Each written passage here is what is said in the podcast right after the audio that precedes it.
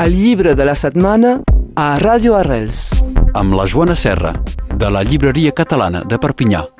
Som en companyia de la Joana aquí a la llibreria. Bon dia. Bon dia. Avui ens comentes madurar a Carride. Hi ha la A que m'ha confós. A Carride. A Caride, sí, és que són noms un poc particulars, els noms de les novel·les de Úrsula Le Guin. Eh, jo li dic Le Guin en català, però és una escriptora nord-americana, nascuda a inicis del segle XX, és als anys 20, per situar un poc el context. És una escriptora de ciència-ficció, però que té com a particularitat que sempre barreja la ciència-ficció amb les ciències socials, per dir-ho manera. Us ho dic clarament, a mi no m'agrada gens la ciència-ficció, en canvi la Úrsula Le Guin és molt interessant perquè és algú que a través de les seves novel·les ens fa reflexionar molt sobre el present. A través doncs, de, dels possibles futurs, que és la- la- l'objectiu de la ciència-ficció, no? ens fa reflexionar molt sobre, sobre el present i sobre la societat que, que ens envolta. Ursula Le Guin era molt coneguda als anys 70, és una persona que té una obra molt, molt extensa.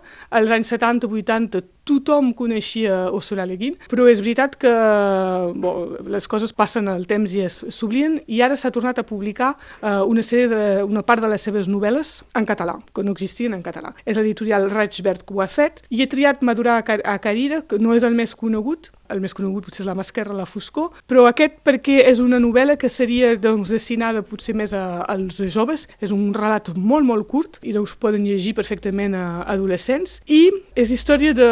De fet, passa en un món on, eh, que ja apareix en altres novel·les d'Ursula Le Guin, on eh, les persones neixen no binàries, sense gènere definit. I a l'edat de la pubertat, per dir-ho manera, utilitza termes particulars per a cada època, però a l'edat de, de la pubertat tenen 20 dies on no, no han de decidir què volen ser i després, al final d'aquests 20 dies, uns quants dies on poden tenir relacions sexuals sense plantejar-se que, quin gènere eh, volen ser. Ve a ser una reflexió sobre que el gènere és una construcció social que malauradament ens és molt predefinida quan naixem, que és la primera cosa que ens demanen ah, que has tingut un nen, una nena. Doncs en aquesta... Fins i tot abans quan l'esperes. Exactament, exacte, fins i tot abans quan l'esperes, vull dir que fin, eh, és totalment exacte. I llavors aquesta novel·la, eh, a través d'aquesta situació, bé, ens fa reflexionar molt sobre el gènere que anem construint, quin gènere volem quines, i quines relacions finalment humanes, tot simplement, volem tenir. No? És, és això. Sembla un debat superactual i, i de fet I, de és... fet, és una cosa que ha estat escrit. Aquesta és bastant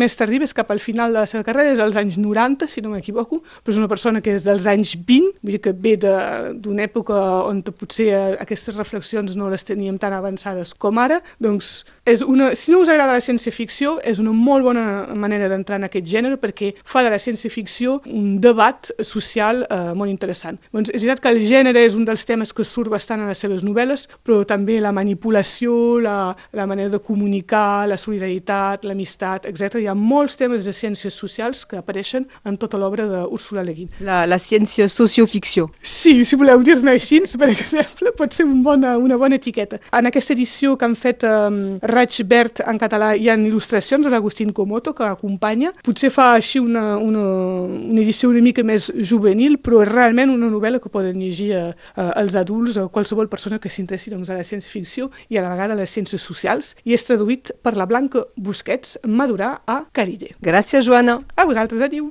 El llibre de la setmana a Ràdio Arrels. Amb la Joana Serra, de la Llibreria Catalana de Perpinyà.